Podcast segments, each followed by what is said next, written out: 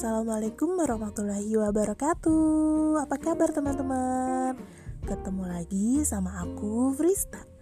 Jadi ini adalah podcast kedua aku. Setelah kemarin aku coba bikin podcast pertama Yang tujuannya aku pengen coba doang sih Karena beneran kemarin tuh aku baru banget download. Dan aku nggak sabar gitu pengen coba gimana sih bikin podcast gitu. Tapi setelah kemarin aku coba minta pendapat dari teman-teman aku mereka tuh bilang katanya jadi suara aku ini terlalu kecil.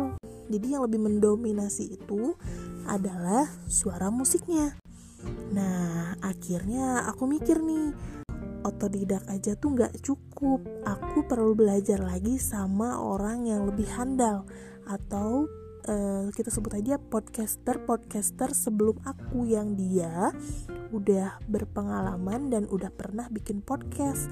Jadi aku mikir nih sama siapa ya kira-kira? Dan terus aku ingat satu nama. Oh iya.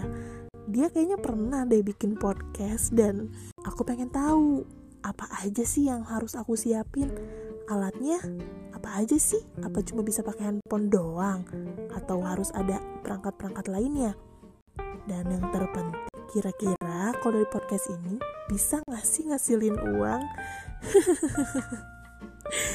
nah makanya aku pengen tanya sama dia Penasaran siapa yang bakal aku ajak ngobrol Tungguin episode aku selanjutnya ya bisa tak sharing sama Frista. Doain aku terus, semoga kalian sehat. Wassalamualaikum warahmatullahi wabarakatuh.